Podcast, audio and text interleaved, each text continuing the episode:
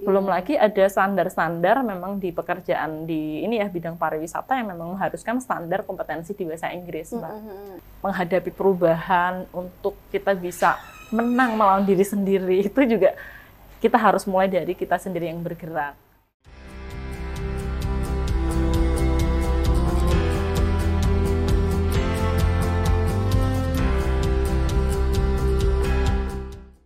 Hai Sobat Salopos, welcome to our podcast di uh, Beyond Talk Podcast ya. It's such a beautiful day, it's such a beautiful Sunday, and we have a beautiful guest here, sangat-sangat cantik. Tepuk tangan dong untuk tamu spesial kita di podcast kali ini. By the way, uh, Beyond Talk ini adalah episode pertama. Wah, Astrid, jadi thank it's you so much. Iya. Oh. Thank you so much for coming. Dan uh, kita uh, ini dulu ya, kenalan dulu nih Mhm, untuk sobat mhm, sobat yang mungkin butuh informasi lebih lengkap profil seorang uh, Astrid Widayani ini. Beliau kesibukannya di mana aja. Nah, beliau adalah ketua Yayasan Universitas Surakarta. Mhm. Terus ada juga uh, posisi beliau sebagai director di Direct English Solo. Mhm. Terus ada founder di YRP Solo ya. Ya. Dan masih banyak lagi aktivitas-aktivitasnya yang berjibun. Tadi aja sebelum kita uh, live untuk podcast ya, banyak banget kesibukan. Udah ada update ya, Mbak, Iya, ya? udah di-update gitu. Telepon terus berdering.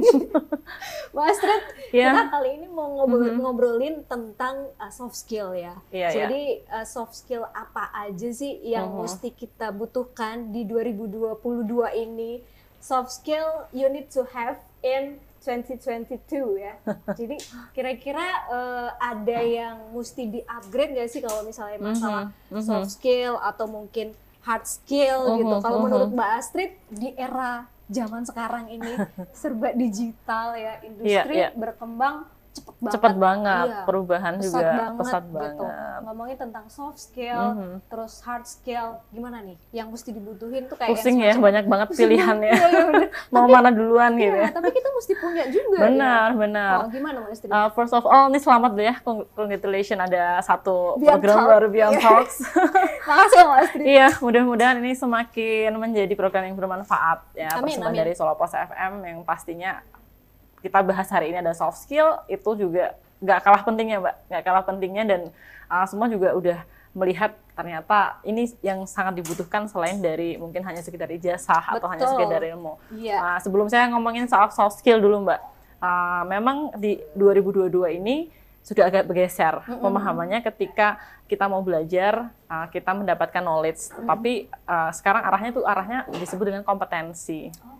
Ya, kompetens. Uh, kompetensi itu gabungan antara knowledge, ilmunya, kemudian keterampilan, skillnya, uh-uh. dan juga atribut kepribadiannya. Oh, Tiga loh, Mbak. Iya, iya, iya. Jadi nggak cukup ah aku pengen uh, lebih terampil nih, aku pengen lebih uh, mengembangkan diri dengan uh, ilmu baru atau oh, keterampilan oh. baru. Tiga-tiganya harus jalan. Iya, berat ya sekarang deh.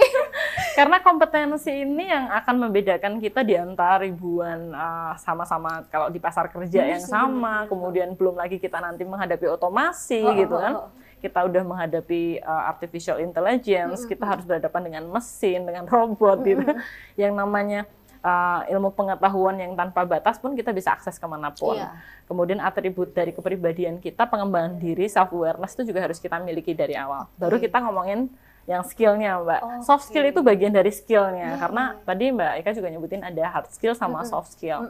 Hard skill itu memang kemampuan yang uh, sudah kita pelajari secara ya bidang ilmunya. Iya, Misalnya kita ngomongin di bidang teknologi, ya ilmu tentang uh, komputer, software dan segala macam itu ya kita pelajari sebagai hard skill. Oke. Nah, si soft skillnya inilah yang dia akan uh, membantu untuk kita menguasai keterampilan ini lebih baik lagi. Oh, Termasuk kita bisa mengkomunikasikan nih dengan teman sama-sama di belakang uh, komputer nih ya, tapi kita nggak bisa ngomongin komunikasi dengan baik, nggak bisa mempresentasikan uh, karya atau output yang kita hasilkan dari karya itu dengan baik. Itu kan juga sama aja, Iya sih. nggak ada batin skill. ya, kan Bahasa batin. Semuanya tidak bisa menggunakan coding. Iya, bener. Bener, Cod- bener. Coding penting, tetapi communication skill juga penting. Nah, ini Iya, salah satu uh, soft skill yang dibutuhin di tahun 2022. Sepele ya, kayaknya communication skill, tapi ternyata memang ini yang nomor satu sampai sekarang. Karena communication skill ini sekarang udah melebar ke mana-mana nih Mbak. Kayak misalnya uh, negotiationnya Oh, seperti iya, apa. betul. Kemudian uh, kita harus bisa memahami interpersonalnya, oh, oh. ya kan? Oh, dengan karakter ini tuh kita ngomongnya seperti apa. Benar-benar. Kemudian di dalam konteks uh, apa namanya uh, lingkungan tertentu misalnya, Mm-mm. atau bisnis tertentu itu udah beda banget Iya, mbak iya. itu. Itu semua masuk ke dalam communication skill. Oh, Nah, iya. nah, terus kita setelah ngomongin communication skill, memang yang sering kali dirasakan di tahun 2022 ini adalah apa kira-kira? Problem solvingnya, Mbak. Oh iya. Nah, problem solving ini kelihatannya uh, sepele juga. Oh, ya tinggal cari solusi aja deh kalau ada masalah. Tapi ternyata tidak semua orang punya kemampuan itu, Iya, gitu. Bahkan ketika ada masalah pun mereka akan fokus pada masalah.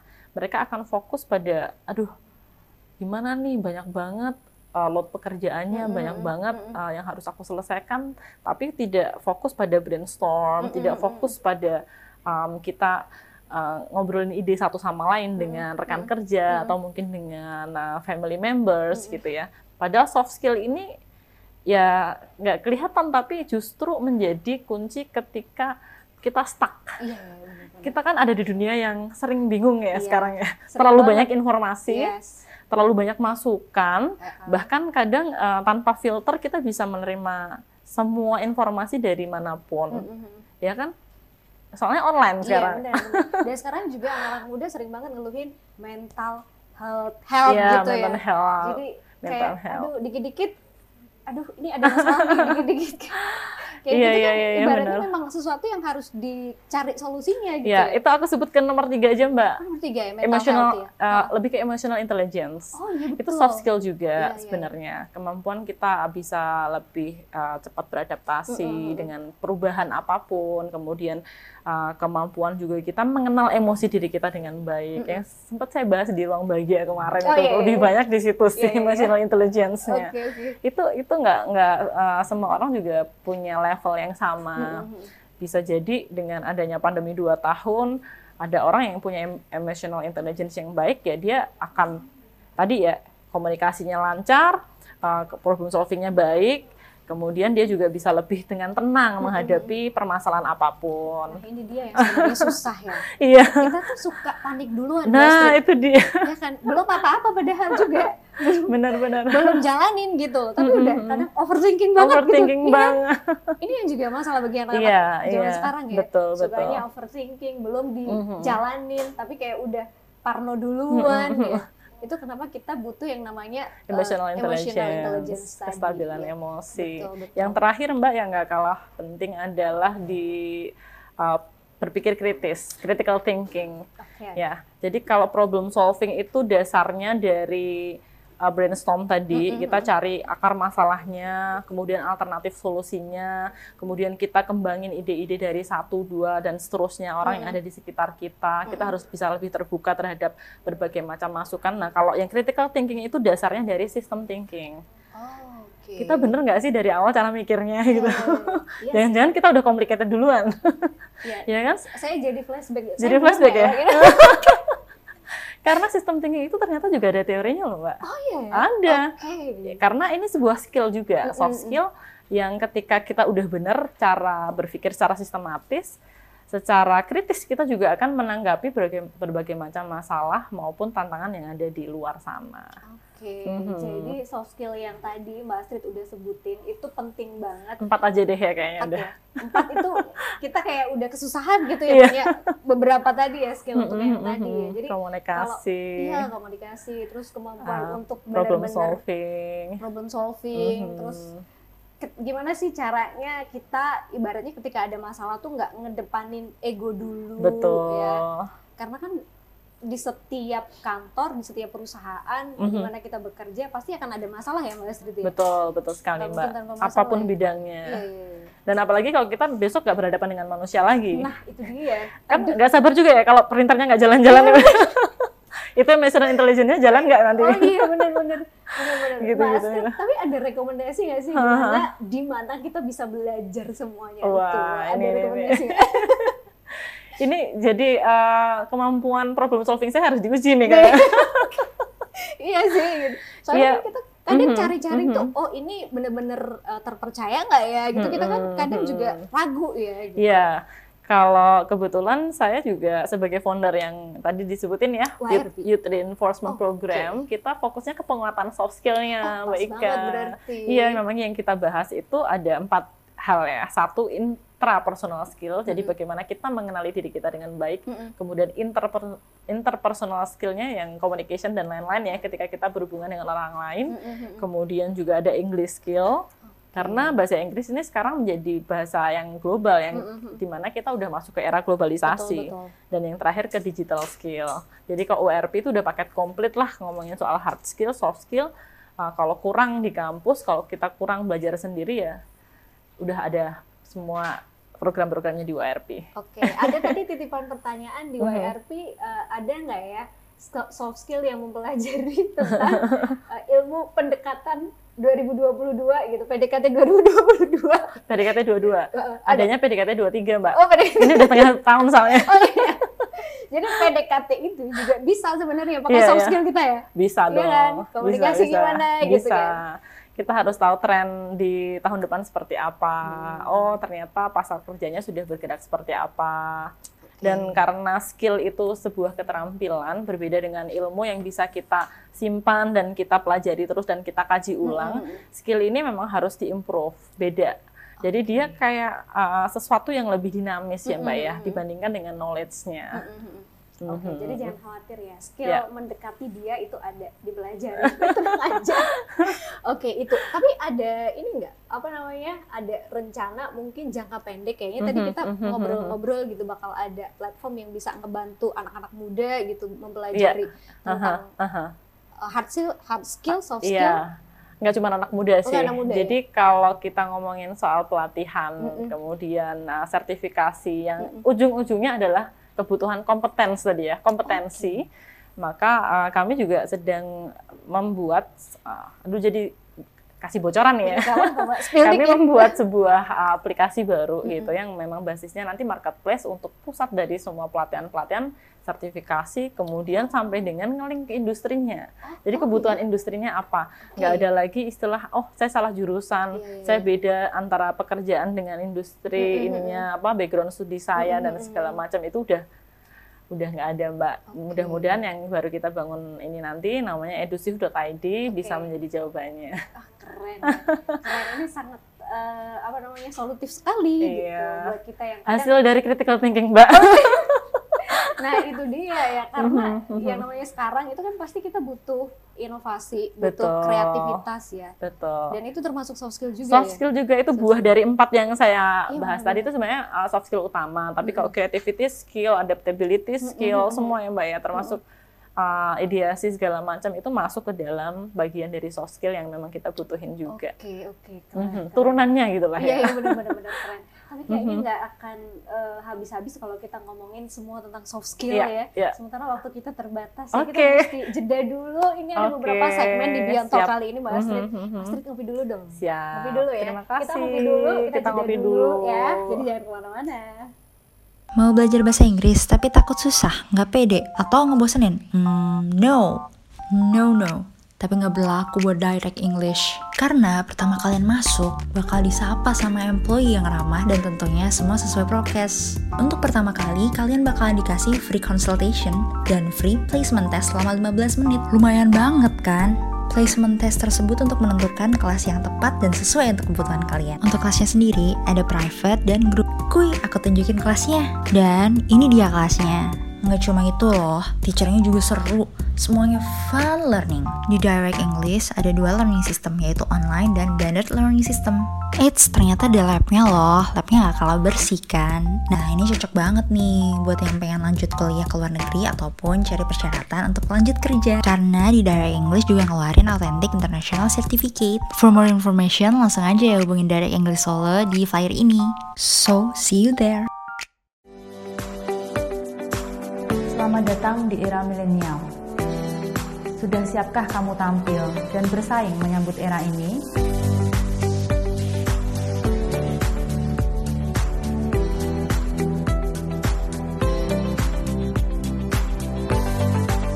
Selain penampilan, butuh banyak bekal menyambut era milenial. Tapi bagaimana menentukan bekal jika dengan diri sendiri tak kenal? Persaingan semakin ketat. Pekerjaan baru muncul dan peluang harus ditangkap. Saya Astrid Widayani, inisiator Youth Reinforcement Program. Bersama para expert yang ahli di bidangnya, WRP berkomitmen untuk anak muda Solo untuk siap berkompetisi di tingkat internasional. Hai anak muda Solo, get ready, get to know yourself.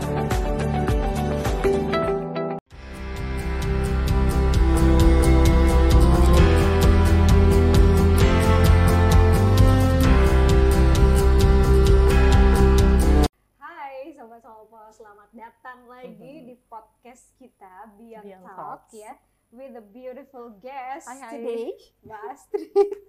Mbak Astrid, uh, from what I know ya, Yep. Astrid is a very very talented woman. Really. Yes, Thank you. as a leader, as Mhm. a, as an entrepreneur, Mhm, terus uh, mhm. and then as a what? Um, As a mom. as a mom, yes. As I'm a mom mother. also yeah, of yeah, two yeah, boys. Yeah, yeah. Sometimes uh, I Mhm. think, how come you can handle it well so far?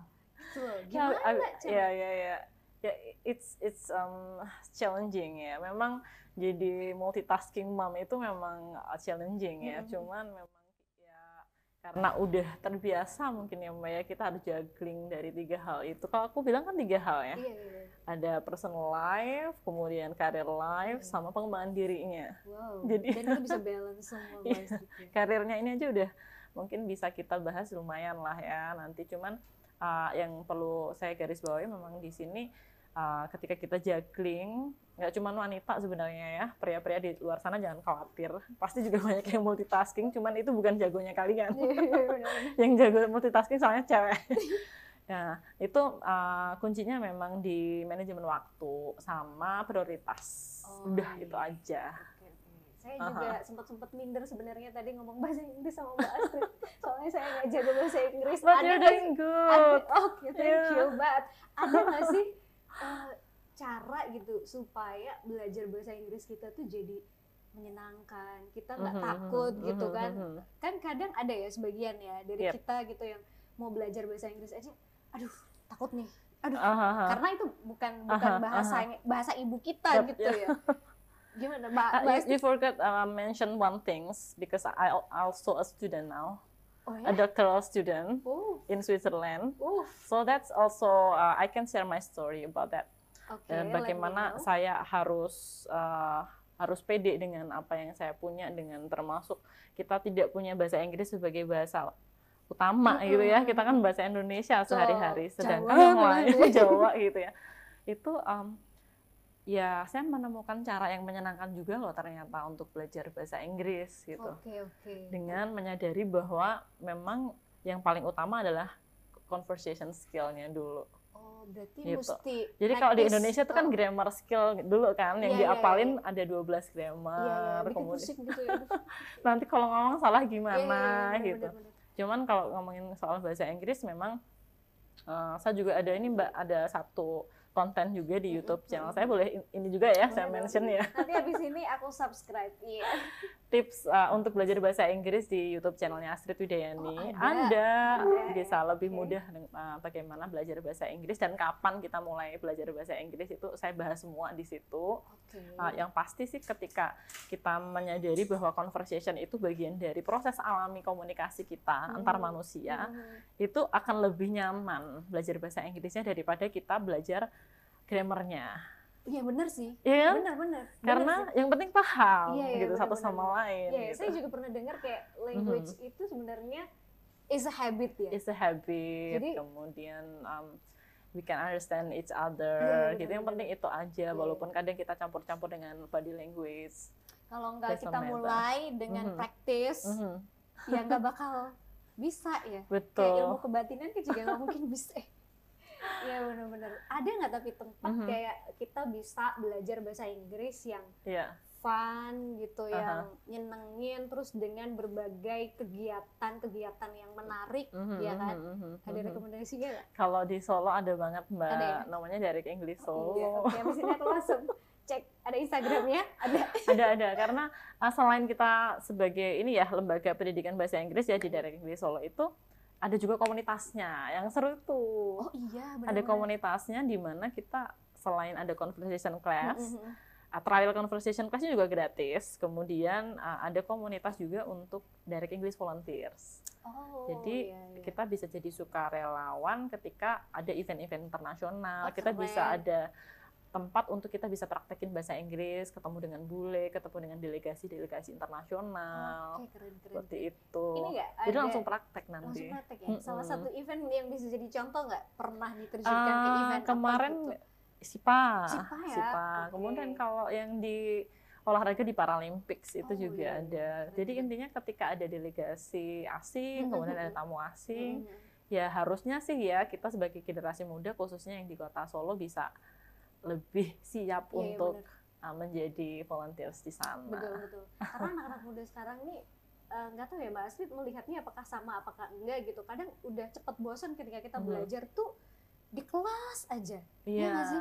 iya. cepet bosan ya Betul. di kelas aja tanpa ada misalnya kayak jalan-jalan keluar gitu Mm-mm, dan di mm-mm, daerah kampus gitu ada ya. ya Ada, Iya. ada. Bahkan kita juga kerjasama dengan beberapa kampung gitu ya Mbak. Di kampung itu pun uh, yang terdekat misalnya di Johor. Manahan itu ada namanya Kampung Happy. Ya udah kita ngomong bahasa Inggris sama anak-anak. oh Happy aja pokoknya. oke.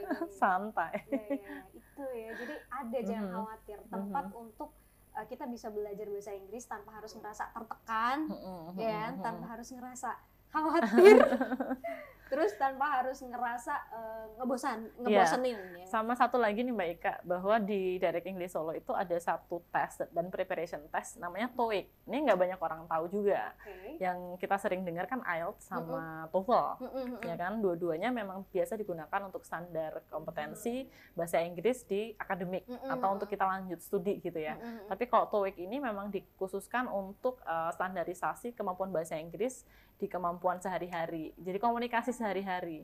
Itu bisa untuk kampus, bisa Oh, oh, oh. untuk kerja, Oke. bisa bahkan untuk pilot, bisa untuk yang iya. pekerjaan-pekerjaan di pariwisata gitu. Oh, iya, iya. Jadi TOEIC itu ja- jauh lebih luas Benar-benar. dan itu lebih fun juga belajarnya. Oke, oke. Ngomongin tentang pariwisata nih ya, mm-mm. Astrid juga tadi sempat nyebutin Iya. gitu, pariwisata ini kan memang jadi sektor yang sekarang banyak digandrungi ya. Iya, Anak-anak betul. muda tuh pokoknya kalau udah destinasi wisata, tempat-tempat wisata tuh udah pokoknya pengen ini aja gitu, ha. pengen nyamperin aja. Termasuk gak hanya orang Indonesia, orang luar negeri pun juga banyak yang Benar. tertarik untuk mengunjungi wisata-wisata ya. Indonesia gitu. Ini kalau Mbak Astrid ngelihat uh, urgensi kita belajar bahasa Inggris untuk dunia pariwisata Jadi itu. pengamat pariwisata dulu nih Iya, ya. Soalnya saya memang multi semua. Iya kan? Mbak Astrid juga bidangnya kebetulan gitu. Gimana Mbak Astrid? Iya benar Mbak. Makanya eh, saya bilang tadi, emang bahasa Inggris itu, nyambung ke bahasa Inggris ya, Mm-mm. itu sebenarnya dasar dari pengembangan pariwisata di Indonesia. Kenapa? Karena kalau ngomongin hanya dasar-dasar pariwisata, manajemen pariwisata, kita bisa baca buku kok. Iya sih. Cuman pada kenyataannya ketika ada inbound, ada Mm. turis masuk gitu ya, siap nggak kita dengan standar yang sudah kita punya itu? Mm. Kemudian uh, servisnya, Mm. pelayanannya seperti apa? Nah, yang terakhir baru how to talk ini. Iya, Kita iya. cara ngomong gimana nih? Iya. A, e, a, e, Di restoran aja ada bule kamu juga kamu juga ngomong. nah, sih, itu itu, baru pengalaman resto. saya banget sih itu. Nah, belum lagi ketika kita berharap bisa dapat devisa dari pariwisata, ya tentunya kita berharap para bule itu bisa belanja dong ke Indonesia. Mm-mm, Ya kemarin benar-benar. bagus ada wali kota Solo ya, Mas Gibran bisa mengadakan gitu tembus ya, ke oke, Paris. Paris ya. Tapi itu kan outbound ya, kita yang keluar. Iya betul. Tapi kalau yang ini kan kita berharapnya, nah yang betul betul. semua UMKM yang udah dikembangin nih kan, Mm-mm. saya tahu di Pos FM banyak nih pengembangan UMKM yang banyak yang digelar gitu ya. Udah banyak banget, produknya banyak banget, tapi kita nggak bisa how to talk. ya. Nah, kan sayang ya. Belum lagi ada standar-standar memang di pekerjaan di ini ya bidang pariwisata yang memang mengharuskan standar kompetensi di bahasa Inggris, Mbak. Mm-mm. Makanya di sekolah pariwisata saya nih ya di Akparta Surakarta sekarang kita akan branding baru lagi menjadi Surakarta Tourism Academy. Semua kurikulumnya ada bahasa Inggrisnya. Oh, keren. Semua ada kompetensi untuk uh, standarisasi kompetensi di masing-masing bidangnya. Jadi kayak udah kuliner ya udah ada nanti sertifikasi untuk di F&B-nya. Iya, iya, iya. Kemudian di digital tourism juga sudah ada sertifikasinya. Di MICE pun juga ada nanti sertifikasi MICE-nya. Oke, keren, Lengkap. keren ya. Mbak Astrid setuju nggak kalau Mhm. skill berbahasa Inggris khususnya ya? Mhm, mhm. Ini jadi ya kayak tema kita gitu. Skill uh, you need to have gitu di tahun ini. Iya Skill nggak you need to have. Itu nggak tahun ini deh mbak. Oh, udah, udah, udah, kemarin- lewat-lewat. Apalagi di tahun ini ya. Kayak sekarang tuh nggak nggak wajib lagi, tapi sesuatu yang udah menjadi standar umum ya. Oh, Oke. Jadi kalau kita ngomongin uh, skill yang untuk tahun ini, ya tadi yang aku ngomongin Mm-mm. di segmen sebelumnya. Mm-mm. Tapi kalau yang bahasa Inggris itu sebenarnya sebuah kompetensi yang bisa menjadi pembeda aja. Pembeda, oh saya skill bahasa Inggris ada, dia nggak ada gitu. Mm-mm. Oh ada berarti dia bisa lebih lebih uh, unggul ya daripada Oke. yang lain. Oke, benar-benar. Mhm. Gimana caranya kita bisa ngembangin pariwisata di Indonesia kalau kita nggak bisa cara berkomunikasinya ke mereka gitu ya? Mhm. Kayak kita nggak bisa ngejual gitu. Oke, aduh, Seru ya. seru banget. Jadi pengen jalan-jalan nih. Oh iya. Mbak Astrid ada agenda jalan-jalan terdekat nggak? Ada. Oh, ada. Siapa mau udah. Oh, oke. Saya udah ini ada agenda dalam negeri dan luar negeri nih. Sebentar lagi.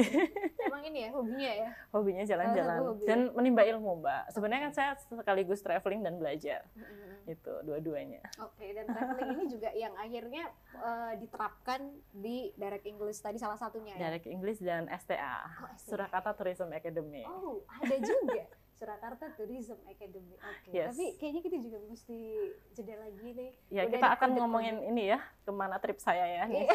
Setelah berikut ini ya Eh mungkin nanti ya. kita boleh nggak sih mengulas gitu eh, ke mana Boleh, aja boleh, boleh. seorang Astrid Widayani ini bakal eh, apa berwisata gitu Boleh. Oke, Boleh, boleh. abis ini kita juga akan bahas eh, tentang ini nih pendidikan tinggi yang dibutuhin di masa depan. Siap. Itu yang seperti apa? Ya. Tapi kita mesti jeda dulu karena udah dikode-kode gitu. Udah dikode-kode sama sana.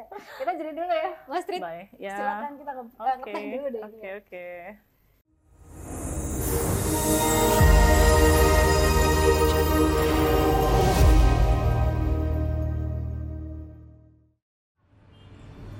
Welcome to Surakarta, the World Heritage City located at Central Java Province, Republic of Indonesia. As the main tourism center in Indonesia, Surakarta has exotic three centuries old Kasunanan Palace and Mangkunegaran Palace, which are still standing strong, guarding Javanese culture as the spirit of Java with its noble values.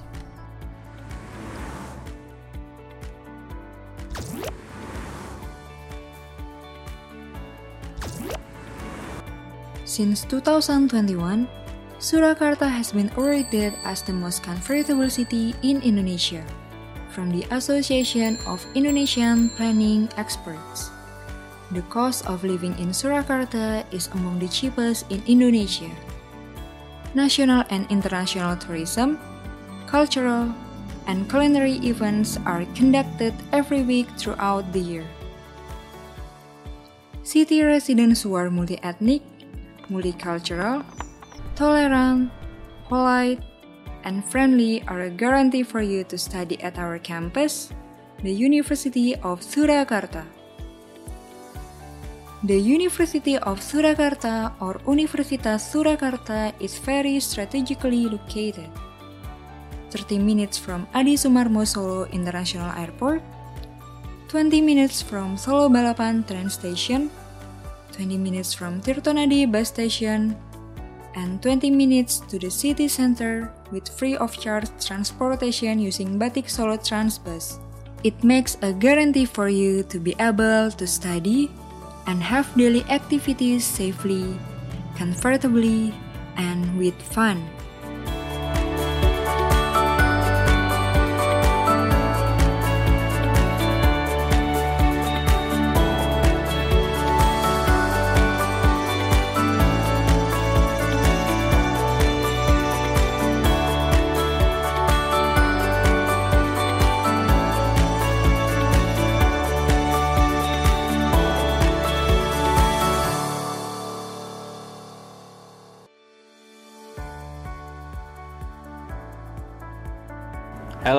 My name is Arya Surendra. I am currently the president of Surakarta University. And a warm welcome to Surakarta University. For nearly 25 years, Surakarta University has been earning the respect and the loyalty of tens of thousands students and alumni. From an initial enrollment of fewer than 200 students in 1998, we have grown to a student body of over 9,000 students. And with dozens of challenging academic programs across the wide variety of disciplines. Welcome to our university. Welcome to our family. I wish you all a good time in UNSA. Thank you. The University of Surakarta or UNSA has 12 bachelor's programs and 2 master's programs. The bachelor's programs include public administration, communications, management, accounting, English literature, mechanical engineering, electrical engineering, informatics engineering, computer systems, civil engineering, and architectural engineering. The master's programs include Master of Law and Master of Public Administration. UNSA is an educational institution that has been accredited by the National Accreditation Board for Higher Education, which aims to prepare professionals, civil servants, and entrepreneurs as qualified, creative, innovative, and virtuous Indonesian human resources. With a five-story campus and equipped with an elevator, UNSA has teaching staff of academics and practitioners with qualifications of professors, doctors, and masters. Classrooms with air conditioning and LCD projectors, equipped with libraries, laboratories, as well as collaboration with dozens of leading universities, institutions, and industries from domestic and overseas. Every year, on average, 85% of graduates have got a job before graduation, and the other 15% become entrepreneurs and continue their studies to higher education levels. Let's join as a student of the University of Surakarta and achieve a better future.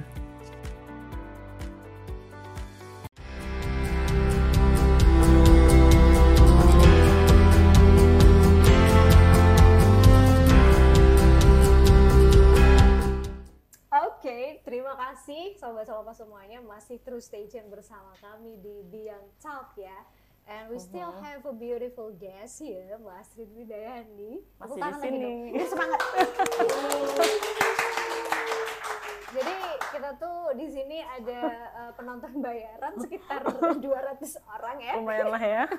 Lumayan rame. yang meramaikan suasana podcast kita ya. Dan untuk sobat Solopos yang dari tadi mungkin belum menyimak segmen kita, kita sebelum ini ada dua segmen ya Mbak Astrid Iya. ya. Jadi eh, nontonnya jangan, jangan dipecah-pecah, jangan di skip-skip ya. Tonton terus segmen satu, dua dan segmen ketiga ya. Mbak Astrid, Iya. kalau ngobrolin tentang eh, pendidikan tinggi ya Mhm, di mhm. masa depan, ini model pendidikan tinggi seperti apa yang dibutuhkan? Mm-mm. Ini mulai berat nih ya. Aduh, saya nggak kuat kalau bener Tadi katanya mau ngomongin soal Oh iya, traveling. iya. iya Iya, sih. iya. Ya udah nggak apa-apa. Habis ini, Ah, Mbak, di-spill boleh, ya. boleh. Jadi pendidikan tinggi Mbak memang ah, saat ini tantangannya besar Hmm. gitu. Kalau secara global sendiri bahkan sudah banyak riset yang menunjukkan bahwa masa depan tuh butuh ijazah atau enggak sih? Itu banyak loh Mbak risetnya. Bener sih. Masa depan itu membutuhkan ah, nilai IPK enggak sih? Iya, iya, iya. Itu sudah ada beberapa luar sana yang meriset gitu ya Oke. dari peneliti-peneliti gitu. Tapi di satu sisi yang namanya lembaga pendidikan formal memang masih dibutuhkan dalam rangka kita dalam pengembangan pola nalar ya. Jangan sampai pendidikan yang di mana pun kapan pun dengan adanya lifelong learner ini ya uh, kita bisa belajar dari mana pun kapan pun, tetapi tidak mengedepankan sistematika pemikiran sehingga yang tadi kita bahas juga ada soft skill dan segala macam itu jadi rasanya tanda kutip instan kan Iya, ya. iya. Oh, yang penting aku udah menguasai ini, aku udah bisa ini, aku udah bisa ini, tetapi dalam konteks penguasaan dirinya, kemudian dia bisa bekerja dalam tim atau tidak, itu belum tentu terpenuhi. Sedangkan kalau kita di kampus, itu kan kita mendapatkan semuanya itu Iya, betul. prosesnya, kemudian uh, bagaimana memulai berpendapat, menghargai perbedaan pendapat dan seterusnya. Nah, di masa depan kemungkinan itu hilang gitu secara global. Nah, makanya di beberapa perguruan tinggi di luar negeri saat ini secara global mereka mengadakan satu konsorsium, Mbak. Jadi satu profesor untuk mengajar satu bidang ilmu kekhususan tertentu mm -hmm. yang sangat spesifik itu bisa diikuti dari berbagai macam perguruan tinggi di seluruh dunia. Okay. Nggak cuma satu iya, negara ya, loh, ya, seluruh ya. dunia. Jadi misalnya nih, doakan ya saya jadi Profesor Astrid amin, gitu ya. Amin, amin. Kemudian saya mempunyai uh, satu spesifikasi ilmu tertentu. Mm -hmm. Itu bisa nanti diikuti dari berbagai macam negara di luar Indonesia. Oh, itu yeah. pun sudah berjalan di tahun ini di tahun 2022 okay. dan itu uh, sudah dimulai beberapa tahun terakhir di Amerika. Mm -hmm. Saya kira nanti kalau kita berbicara di masa depan itu akan jauh lebih fleksibel. Mm -hmm. Dengan adanya kemajuan teknologi, kita nggak harus datang ke kampus, bahkan ada rumornya yang bangunan-bangunan lama itu akan menjadi monumen ya. Oh, iya? Sebenarnya agak sedih juga ya, tapi memang memang kenyataannya seperti itu yang dulunya uh, kita lab itu digunakan sebagai tempat praktek, sekarang di tempat kerja udah jadi praktikum hmm. gitu kan. Magang udah jadi praktikum. Iya, Jadi uh, bisa jadi besok bergesernya ke arah sana. Nah, kalau kita balik ke Indonesia sendiri, Indonesia mungkin belum sampai sejauh itu. Indonesia itu masih dalam tahap memahami apa sih sebenarnya kompetensi yang dibutuhkan di pendidikan tinggi. Mm-hmm. Makanya dari pemerintah itu menggulirkan satu kebijakan namanya Merdeka Belajar Kampus Merdeka. Mm-hmm. Uh, dengan harapan apa yang mahasiswa dapatkan sebagai lulusan dari perguruan tinggi ini nanti bisa match dengan industri. Okay. Dulu ini kan sebenarnya gagasan dari uh, keterampilan ya mm-hmm. atau vokasi gitu. Uh, karena bisa dibilang saya pun sebagai praktisi nih ya sebagai mungkin entrepreneur itu ya kita bisa bilang pengusaha kalau kita mau hire oke okay, saya mau cari marketing saya cari dari S1 pemasaran hmm. apakah dia terampil kan belum iya, tentu iya, iya, nah karena dasarnya dari keterampilan vokasi itulah maka MBKM itu diharapkan bisa match gitu dari apa yang dipelajari selama empat tahun dengan gelar S1-nya ini dengan keterampilan yang harus dibutuhkan di industri. Mm -hmm. Jadi tetap bergesernya untuk uh, apa ya tren dari pendidikan tinggi di Indonesia di masa depan pasti akan based on skill lagi mbak keterampilan atau kompetensinya. Oke dan ha -ha. memang eranya udah lebih spesifik. itu Betul. ya kita bisa belajar dari mana aja dan kapan pun. Kapan aja. Dan prodi besok juga akan lebih gampang berubah-ubah namanya, nggak oh, ya? seperti dulu. Kalau dulu tuh kan, oh trennya di kedokteran, mm -hmm. oh trennya di arsitektur, mm -hmm. kayak gitu kan kalau mm -hmm. dulu besok trennya itu ya menyesuaikan industrinya. Kalau dulu uh, belum ada misalnya jurusan coding bisa hmm. jadi ini udah langsung ada. Ya kan sekarang udah banyak juga ya iya, prodi-prodi baru, iya. nama-nama yeah. prodi baru yang memang dibutuhkan di industri. Dulu kita kerja menyesuaikan tren di prodi, kalau besok prodi itu kan menyesuaikan tren di industri. Oke, kebutuhan di lapangan apa Betul. gitu ya. Oke, ya pokoknya kita harus siap menghadapi atau uh, mengetahui bahwa oh ternyata skill-skill kayak gini yang kadang nggak kita pikir yeah. sebelumnya dibutuhin gitu ya. Iya, makanya uh, nanti kemampuan untuk mengenali diri sendiri jauh lebih penting daripada oh, tahun-tahun sebelumnya. Bener, bener. Jangan sampai kalau dulu tuh kan ah aku ikut ikutan yang penting besok jadi PNS, ah aku ikut ikutan ingin uh, masuk ke manajemen karena uh, trennya di memang di ekonomi misalnya hmm. atau di kesehatan dan seterusnya. Kalau besok nggak bisa seperti itu sih. Besok kita harus peka, oh industri sekarang tuh marah ke mana? Oh bakat saya di sini, match nggak ya okay, gitu. Nah itu memang pendidikan masa depan seperti itu sih mbak. Oke okay, oke. Okay. Hmm. Kalau zaman dulu kan nggak ada kayak misalnya prodinya itu tadi kayak Mbak Astrid sampaikan -hmm. udah misalnya uh, oh keguruan misalnya atau ekonomi misalnya ya. Sebetulnya nanti ada kayak lebih media spesifik sosial lagi. gitu atau apa iya, gitu ya. Iya. Media, media sosial pun lebih Komunikasi spesifik digital. lagi gitu ya. Hmm, hmm, okay. Lebih spesifik lagi. Konten okay. kreator gitu. Ada ya teman saya yang pengen banget jadi konten kreator juga kan. Iya. Oke, okay. aduh kayaknya uh, waktunya berjalan cepet banget ya Mbak Astrid deh. Udah iya, ya. udah setengah jam lebih kita ngobrol. Kita boleh refill nggak ya ini kopinya ya? Oh, boleh, boleh. Boleh ya? Boleh, Bisa ya. sampai besok. Boleh, tolong dong Pak. Tapi ya dua ya. Tapi by the way, Mbak Astrid mau mau mm -hmm. ini ke mana? Mau jalan-jalan ke mana? Kepo, mau jalan-jalan uh, ke mana? Kebetulan lusa saya udah ada agenda Monas ke Bali. Oh, Sekalian iya. inilah ya, mau nulis-nulis untuk riset saya juga. Okay. Kan saya masih riset. -huh. Kemudian uh, rencana juga dua bulan lagi mau ke US mbak mau Oh. belajar di sana Oh, ikut anda? Oh ya? Oke. Terus ke Amerika ke Amerika nanti kalau uh, risetnya lancar pun setiap tahun seperti biasa agenda juga ke Swiss keren ya.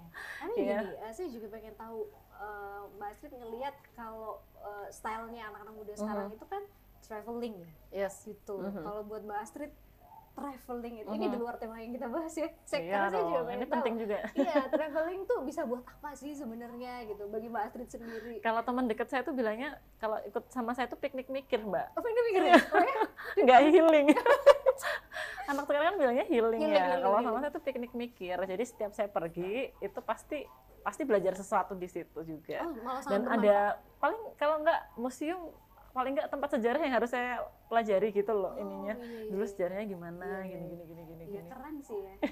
Iya gitu. Ini patut dicontoh sih. Jadi traveling tuh bukan yang penting senang-senangnya aja, tapi kayak pelajaran apa yang kita bisa ambil gitu Iya, ya. tapi sekarang kan trennya di pariwisata memang eh, kebanyakan kembali ke alam ya. Iya betul kayak uh, betul. nature gitu lah.